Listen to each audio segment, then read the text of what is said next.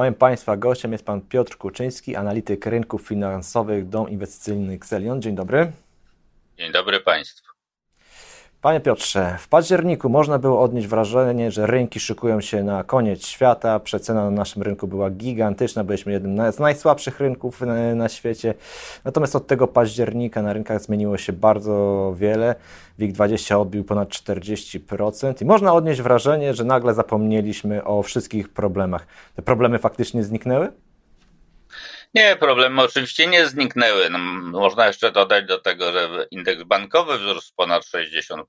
To, to jest naprawdę hosta po prostu, autentyczna hosta. W Stanach Zjednoczonych mówi się, że in, jeżeli indeksy rosną ponad 20%, to już jest hosta, a nie odbicie. W związku z tym możemy mówić o hossie. Co prawda, rzeczywiście, tak jak pan powiedział, zapytał, to te problemy nie zniknęły. Mamy w dalszym ciągu wojnę, mamy w dalszym ciągu bardzo wysoką inflację, mamy wysokie stopy procentowe na całym świecie, mamy zapowiedzi znacznego spowolnienia gospodarki w 2023 roku, więc problemy zdecydowanie nie zniknęły.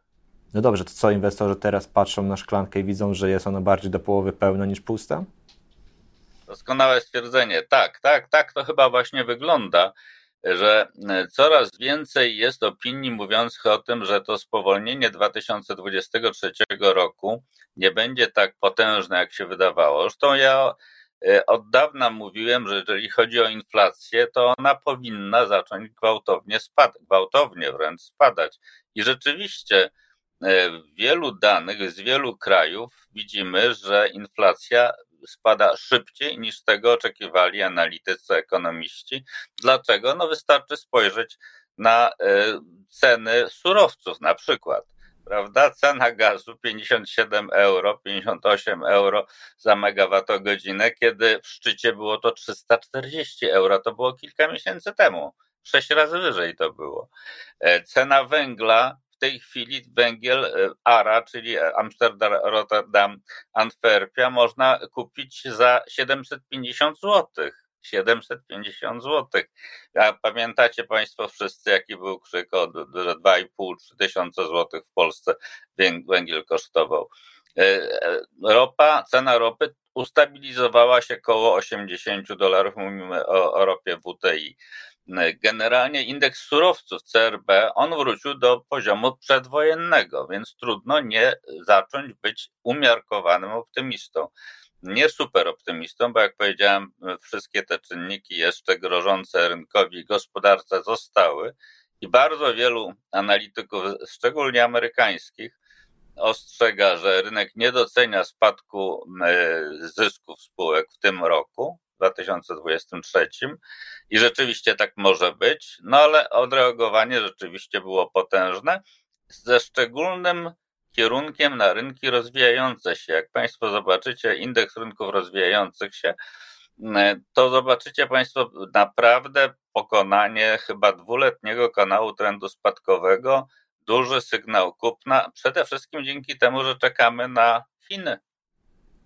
No właśnie, Chiny informują o otwieraniu gospodarki, ale mam pytanie do Pana. Czy Pan już przeszedł na tą jasną stronę rynku? Wierzy Pan w to, że teraz będzie już lepiej? Nie Pan, niestety, niestety powiem z przykrością, niestety tak. Dlaczego mówię, dlaczego mówię niestety? Bo jak wie pan, jak ja widzę sondaże Stowarzyszenia Inwestorów Indywidualnych, 65% byków, 15% niedźwiedzi, to ja mówię o nie, o nie, to się musi źle skończyć. Nigdy tak nie było naprawdę, żeby tak olbrzymia większość inwestorów miała rację. Dlaczego? Dlatego, że jak tak olbrzymia większość inwestorów mówi, że będzie rosło, mówiąc slangiem, że będzie rosło, to znaczy, że oni już kupili te akcje. Jeżeli kupili, to znaczy, że te 15% ma kupić od nich te akcje. Może to się źle skończyć i, i trochę mnie to niepokoi. To znaczy, myślę, że nie będzie aż tak dobrze, jak się w tej chwili wydaje, ale w dalszym ciągu, jeżeli chodzi o rok 23, i tu zaznaczę, ekonomiści używają takiego sformułowania ceteris paribus, bo ono obejmuje wszystko. Chodzi o to, że z punktu widzenia dzisiejszego trudno nie być optymistą, ale naprawdę w tym roku jeszcze wiele rzeczy może się zdarzyć. Również na wschodzie Polski, czyli w Ukrainie, co mnie, prawdę mówiąc, ostatnio szczególnie mocno niepokoi. Mhm. E, zimny prysznic przyszedł dla inwestorów e, już właściwie w środę, e, kiedy pojawiły się informacje na temat tego, że rząd może przedłużyć wakacje kredytowe. Banki dostały bardzo mocno, no ich notowania spadały na warszawskiej giełdzie. Czy to ten może być też zapowiedź tego, jaki może być ten rok? No bo przecież mamy rok wyborczy i być może te wakacje kredytowe to nie jest jedyny element który, zaskoczenia, który nas czeka.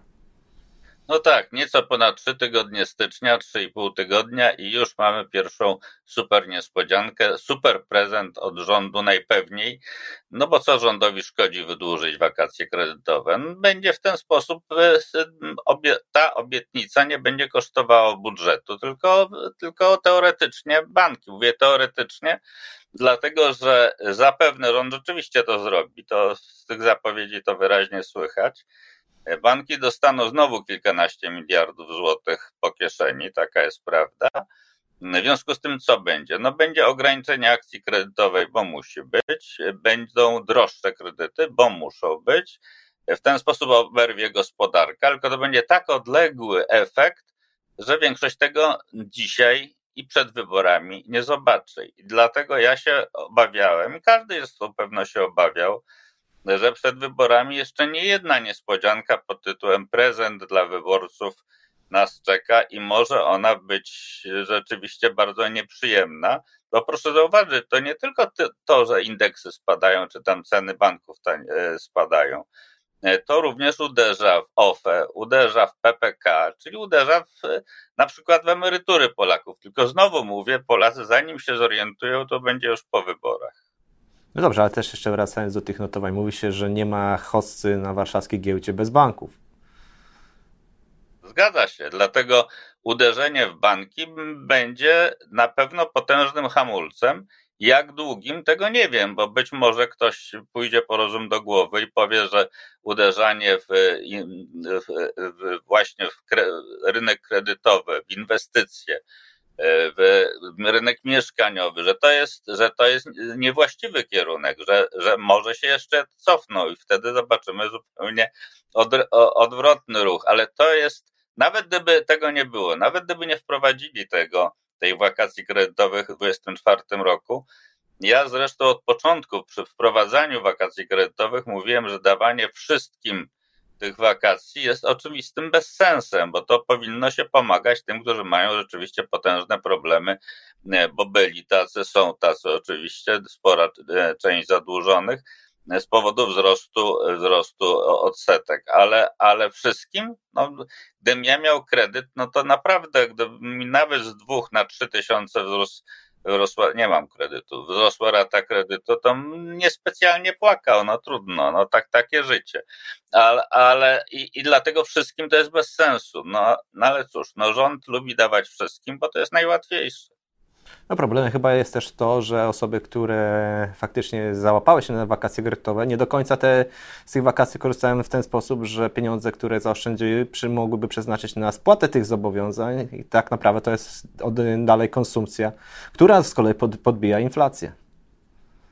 Tak, i to wie pan, te y, dane, które ja widziałem, były zaskakujące, bo mówiło się, właściwie wydawałoby się logiczne, że w 2020 drugim roku wszyscy skorzystają z wakacji kredytowych. Moi znajomi, młodzi znajomi, którzy są e, zadłużeni oczywiście, mówili, że oczywiście natychmiast skorzystają, po prostu to się opłaca. I okazało się, że chyba tylko 50% e, ludzi skorzystało, co jest dla mnie zadziwiające, dobre dla banków, ok, ale zadziwiające, a z tych 50% nieliczni tylko spłacali ten kredyt. Ja nie wiem, czy dlatego, że na przykład włożyli zaoszczędzone pieniądze w obligacje i w ten sposób zyskali na tym, bo tak też może być, czy po prostu popędzili do sklepów i zaczęli kupować, wydając te pieniądze, które przyjdzie im kiedyś y, zapłacić. Tego nie wiem, bo takich badań chyba jeszcze nie ma, ale zupełnie nieintuicyjne zachowanie kredytobiorców było kompletnie. Panie Piotrze, na koniec chciałbym, żebyśmy jeszcze spojrzeli na polską gospodarkę w tym roku. To rozdawnictwo y, przypada niestety właśnie na to, jak wspomnieliśmy, na bardzo nieszczęśliwy okres, okres wyborów i okres, w którym ta gospodarka pewnie będzie się mierzyła z spowolnieniem i recesją, albo recesją. Pytanie właśnie, spowolnienie czy recesja, a jeżeli recesja, to jak głębokie? Wie pan, no na ten temat dyskutują ekonomiści, to już takie zaczyna to przypominać dyskusję o e, teologów o tym, ile diabłów mieści się na końcu szpilki, prawda? No były takie, w związku z tym nie wiem, czy, czy to ma akurat wielki sens. Według mnie e, to, czy będzie recesja techniczna, czy będzie prawdziwa recesja, e, no to, to jest kwestia tego, czy to będzie jedna dziesiąta procent w tę, czy we w tę. Inaczej, ja bym powiedział, będzie spowolnienie gospodarcze. Ono już jest widoczne w danych makro, bardzo widoczne. Sprzedaż w cenach stałych tylko 0,2% do góry, e, produkcja tylko 1% do góry, mówię o danych grudniowych, a miesiąc do miesiąca duży spadek. W związku z tym to widać, to widać, ale z kolei w danych o e, indeksie PMI, czyli tym menadżerów logistyki, widać od trzech miesięcy wzrost, czyli poprawa nastrojów. Inaczej, poza tym jeszcze w Niemczech już nawet kanclerz Scholz mówi, że recesji nie będzie, a jeszcze miesiąc, dwa miesiące temu mówiło się, że na pewno będzie recesja, że co jak co, ale w Niemczech to na pewno. A jeżeli w, w Niemczech nie będzie recesji, a Niemcy są naszym najważniejszym partnerem handlowym, to zakładam, że w Polsce będzie spowolnienie, ale recesji też nie będzie. No i chyba ten element, który brakuje do tej układanki czarnego scenariusza e, gospodarczego, czyli wzrost bezrobocia, to na razie chyba się, chyba nam nie grozi. Nie, nie. Dane środowe pokazały, że jest to 5,2%, czyli w grudniu skoczyło o 1,1 punktu procentowego znikomy wzrost bezrobocia. Słyszy się o mm, zwolnieniach grupowych, co prawda przede wszystkim słyszy się w gigantach amerykańskich, no ale w Polsce też są zwolnienia grupowe.